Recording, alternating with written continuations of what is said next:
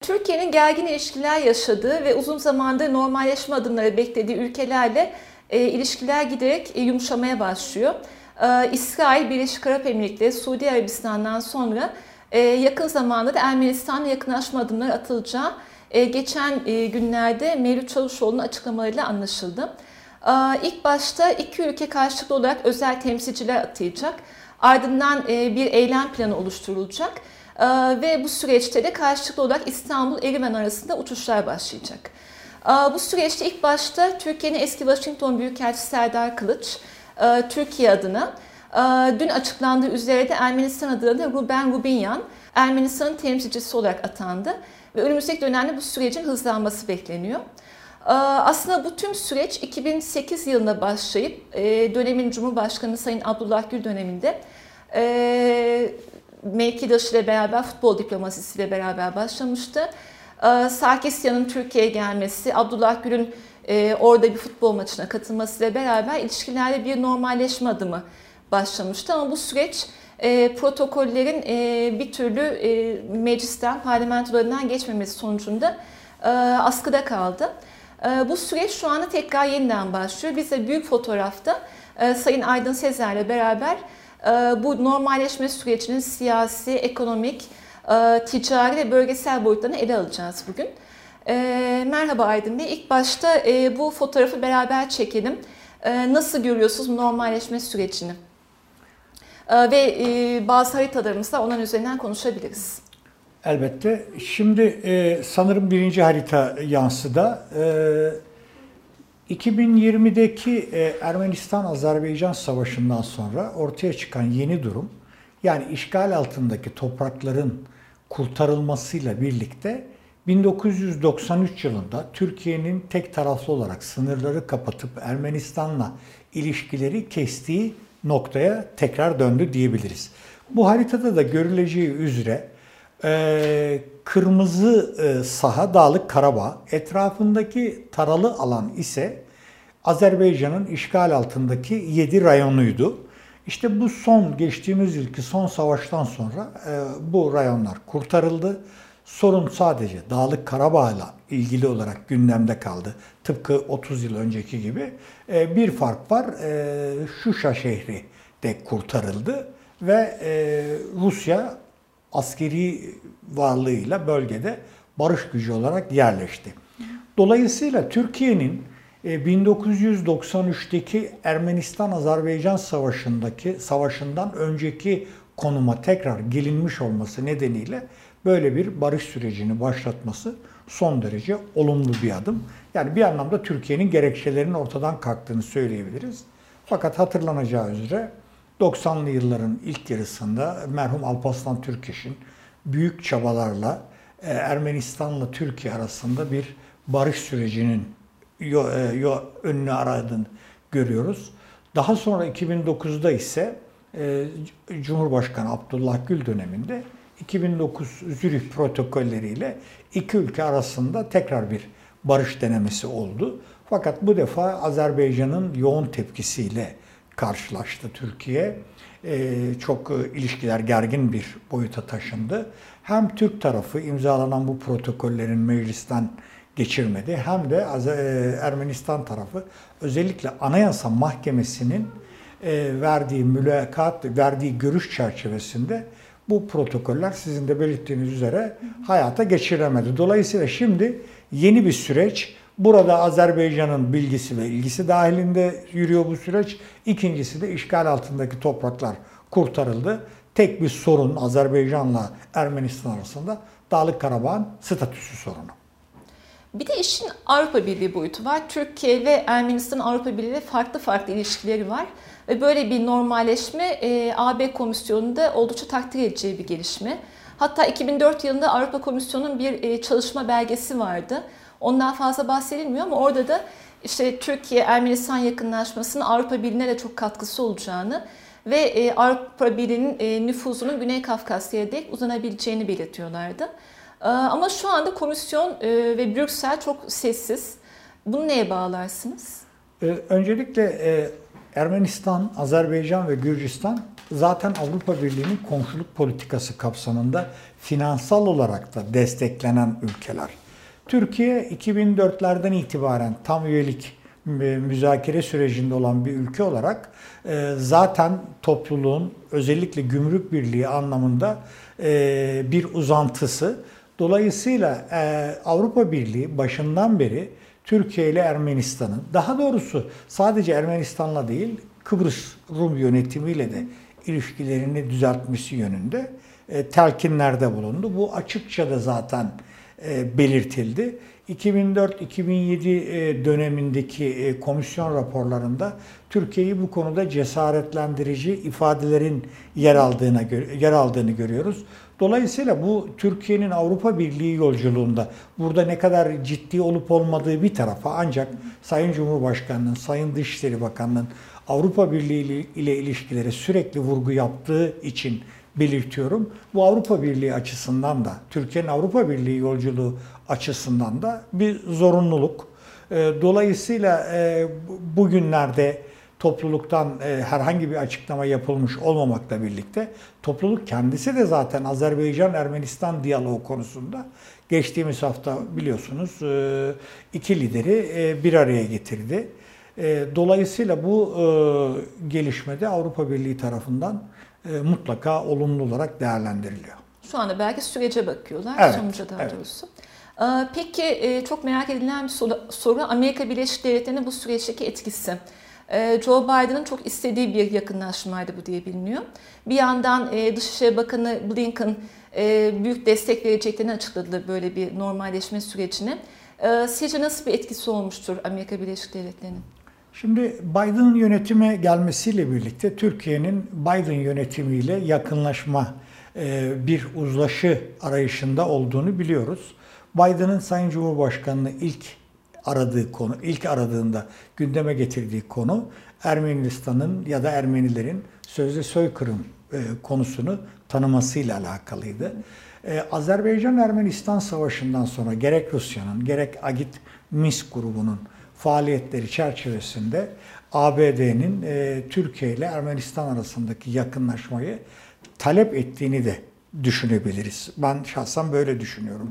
Salt Roma'daki yüz yüze görüşmede değil, Haziran ayındaki görüşmede ya da telefon görüşmelerinde de bu konunun gündeme geldiğini düşünüyorum. Zaten Türkiye'de Amerika ile arasındaki ilişkileri normalleştirebilmek için birçok konuda e, farklı politikalar izlemeye başladı. Örneğin Ukrayna, örneğin Karadeniz'deki hareketlilik, Kırım konusundaki söylemlerimiz, e, Hamit Karzai Havalanı'nı işletmeye yönelik e, çıkışlarımız ya da e, süreçler.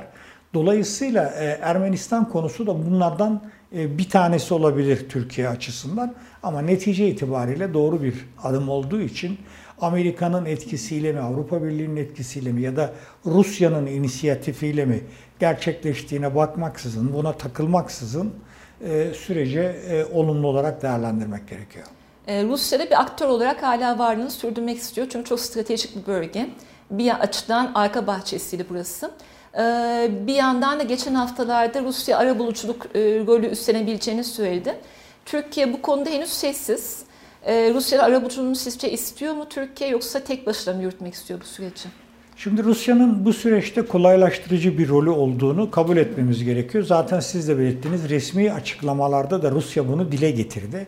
Çünkü Rusya Güney Kafkasya'da aslında amaçlarına ulaştı. istediğini aldı. O da Dağlık Karabağ'ın statüsünün e, yeniden tesisi, Rus askeri varlığıyla birlikte tesisi ve orada Rusya'nın, Rus askerinin kalıcı olmasının önünü açtı. Dolayısıyla e, bu saatten itibaren Türkiye ile Ermenistan ya da Ermenistan'la Azerbaycan arasındaki ilişkilerin kalitesi ya da e, boyutu Rusya'nın hiçbir şekilde kendi e, milli çıkarlarına helal getirecek bir perspektif sunmayacak.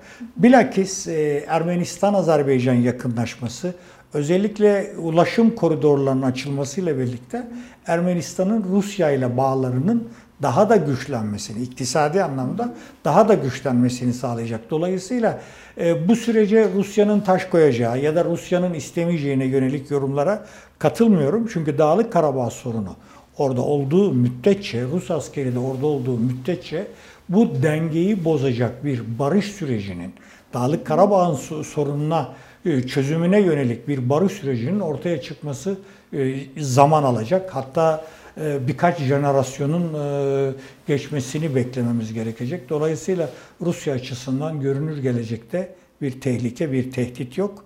Rusya oradaki varlığını bu sayede de güçlendirme peşinde. Peki müzakerelerin konu başlıkları neler olur? Ee, mesela Zürih protokolleri onaylansaydı ilk madde e, onaylandıktan iki ay sonra ortak sınırın açılmasıydı. Ee, şu anda sınırlar konusunda ne bekliyorsunuz? Ee, charter uçuşları gündemde. Ee, nasıl bir yol haritası olur sizce? Şimdi her şeyden önce bu süreç her iki ülkedeki milliyetçi kesimlerin e, sürece karşı direnç göstermeleriyle, protesto etmeleriyle ya da e, bu e, ilişkilerin normalleştirilmesine yönelik eleştirileriyle de e, beraber eleştirileri de beraberinde getirecek. Hatırlarsınız kısa bir süre önce Koçeryan e, eski Cumhurbaşkanı Türkiye-Ermenistan normalleşmesi durumunda Türkiye'nin Ermenistan'ı tıpkı Acara gibi, Gürcistan gibi etki alanı altına alacağını belirterek buna şiddetle karşı çıktığını belirtti. Yanılmıyorsam geçtiğimiz Nisan ayında belirtti. Dolayısıyla e, süreç her iki ülkenin milliyetçileri e, tarafından tehdit altında. Fakat bu defa Türkiye'nin şansı Sayın Bahçeli'nin koalisyonun ortağı olması, bu açılımdan mutlaka bilgilendirilmiş olduğunu düşünüyorum. Ee, Sayın Bahçeli bu defa en azından merhum Türkeş'in mirasına sahip çıkarak e, bu e, normalleşmenin önündeki e, direnci kıracak bir tavır sergiler diye ümit ediyorum. Ama bu süreç gerçekten çok zor bir süreçti. 2009'da hatırlarsınız e, bu süreçte Milliyetçi Hareket Partisi en e, çok karşı çıkan taraflardan bir tanesiydi. E, hatta Azerbaycan'dan gelen kadın milletvekillerini mecliste basın toplantısı düzenlemesine ön ayak olarak Türkiye'nin yaklaşımı protesto edilmişti. Şimdi Ermenistan milliyetçileri açısından da bu kesim böyle.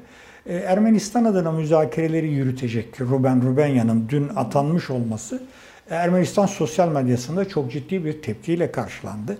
Çünkü hem yaşının genç olması, hem tecrübesiz olması, hem de bir dönem Türkiye'de, İstanbul'da eğitim görmüş olması nedeniyle e, tırnak içerisinde söylüyorum Türkiye'nin adamı nitelemesiyle eleştirildi. Şimdi sınırların açılması bence ilk adım olacak. Burada herhangi bir sorun yok. Çünkü Türkiye'nin sınırları kapatmasını gerektiren husus ortadan kalktı. Rayonların işgali ortadan kalktı. İkinci konu Ermenistan kısa dönemde e, Türkiye ile ekonomik iktisadi bütünleşme ad, e, adımları atıldığında e, önemli bir kazanım elde edecek. Türkiye ile e, yakınlaşma süreci Ermenistan'ın izole olmasından, bölge ülkeleriyle ilişkilerine yeni bir düzen vermesinden e, düzen vermesine sağlayacak. Bir de tabii burada başta ABD ve Avrupa Birliği'nin son dönemlerde, son bir yılda Ermenistan-İran yakınlaşmasına yönelik e, eleştirilerini unutmamamız gerekiyor. Çünkü Türk sınırının kapalı olması Ermenistan'ı bir çıkış yolu bağlamında İran'a bağımlı kılmaya başlamıştı. İran'ın konumu Batı dünyası açısından, ABD açısından malum. İşte başta ABD de bu yakınlaşmayı özellikle istemediğini çok net bir şekilde ifade etti. Onlar da Ermenistan'ın Rusya ile ya da Azerbaycan'la ve Türkiye ile ilişkilerinin e, geliştirilmesini İran'la olan ilişkilerine e, nazaran tercih ediyorlar.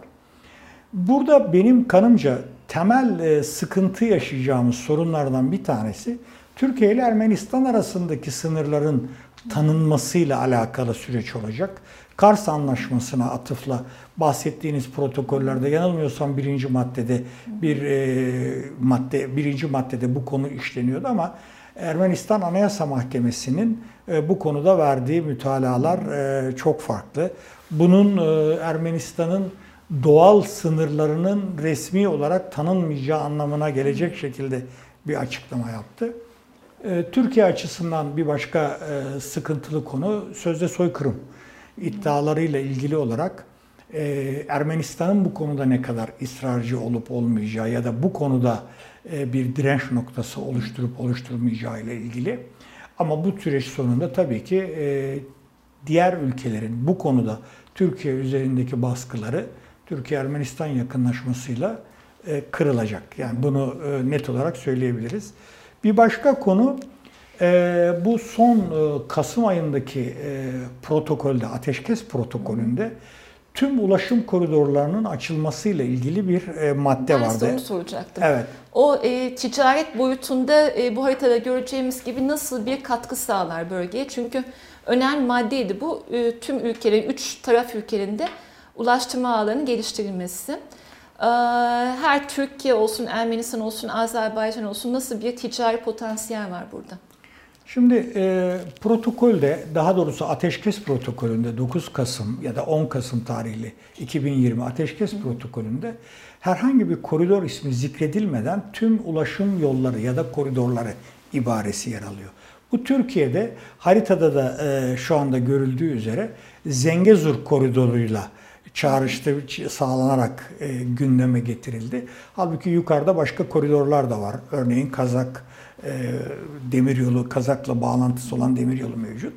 Şimdi e, bu ulaşım yollarının açılması hem bölge içi ticaretin gelişmesine olanak sağlayacağı gibi Türkiye-Azerbaycan bağlantısını sağlayacağı gibi Ermenistan'ın Rusya ile bağlantı yollarını da e, sağlayacak. Dolayısıyla herkes açısından, tüm taraflar açısından önemli bir husus. Ee, burada 2021 e, 11 Ocak'ta e, Putin, Aliyev ve e, Paşinyan'la bu konuyla ilgili olarak bir başka anlaşma imzaladı Moskova'da. Kısa süre içerisinde bu yollarla ilgili fizibilitelerin bitirilmesi talimatı verildi ilgili ülkelerin başbakan yardımcılarına. Bu konuda bugüne kadar yanılmıyorsam 7 veya 8 kez komisyon toplandı. E, güncellemeler yapıldı. Fakat henüz bir sonuca varılmadı. Sorunlardan bir tanesi Türkiye'nin özellikle e, Nahçıvan-Azerbaycan bağlantısıyla ilgili e, konuya tırnak içerisinde söylüyorum. İşte Turan yolu, Orta Asya'ya giden yol açılıyor gibi e, yaklaşım sergilemesi sadece Ermenistan'da değil, Rus dışişlerince de e, tepkiyle karşılandı. Bu son tahlilde zaten Sovyet döneminde mevcut olan bir demir yolunun iyileştirilerek hizmete sokulması amacı şeklindeydi. Son e, görüşmelerde hem Moskova'daki hem Avrupa'daki e, er, e, Paşinyan ve Aliyev arasında bu koridorların bir an önce özellikle de demir yollarının bir an önce işletilmesi, hizmete açılması konusunda bir anlayış birliği sağlandı. Tabi Ermenistan burada kendi gümrük mevzuatının cari ve e, geçerli olmasını e, belirtiyor. Bunu Paşinyan sıklıkla gündeme getirdi. E, bu da bu ikili görüşmelerde pek gündeme gelmese bile koridorlar konusu malum Rusya'nın patronajında üç ülkeyi ilgilendiren bir konu olarak gündemde. Ama Türkiye-Ermenistan yakınlaşmasının da bu sürece olumlu etkisi olacağını düşünüyorum. Ama bölgedeki özellikle bir anlamda Doğu illerinin sınır ticareti, belki bavul ticareti, belki geniş montanlı dış ticaretin gelişmesiyle birlikte Ermenistan'ın kısa sürede iktisadi anlamda e, Türkiye ile bir anlamda karşılıklı bağımlılık ilkesi çerçevesinde ilişki tesis edeceğini düşünüyorum. Ermenistan çok büyük potansiyeli olan bir ülke değil biliyorsunuz. E, yıllık ithalatı e, son verilere göre yaklaşık 4 e, milyar dolar düzeyinde, ihracatı 3 milyar dolar düzeyinde. Dolayısıyla çok büyük bir beklenti içerisinde olunmaması gerekiyor Türkiye açısından. Fakat sınır illeri ve özellikle siyasi açıdan bu son derece önemli bir süreç. Dolayısıyla olumlu olarak değerlendirmek gerekiyor ve buna herkesin katkıda bulunması gerekiyor. Çok teşekkürler Aydın Bey. Yine çok güzel aydınlattınız bizi bu konuda.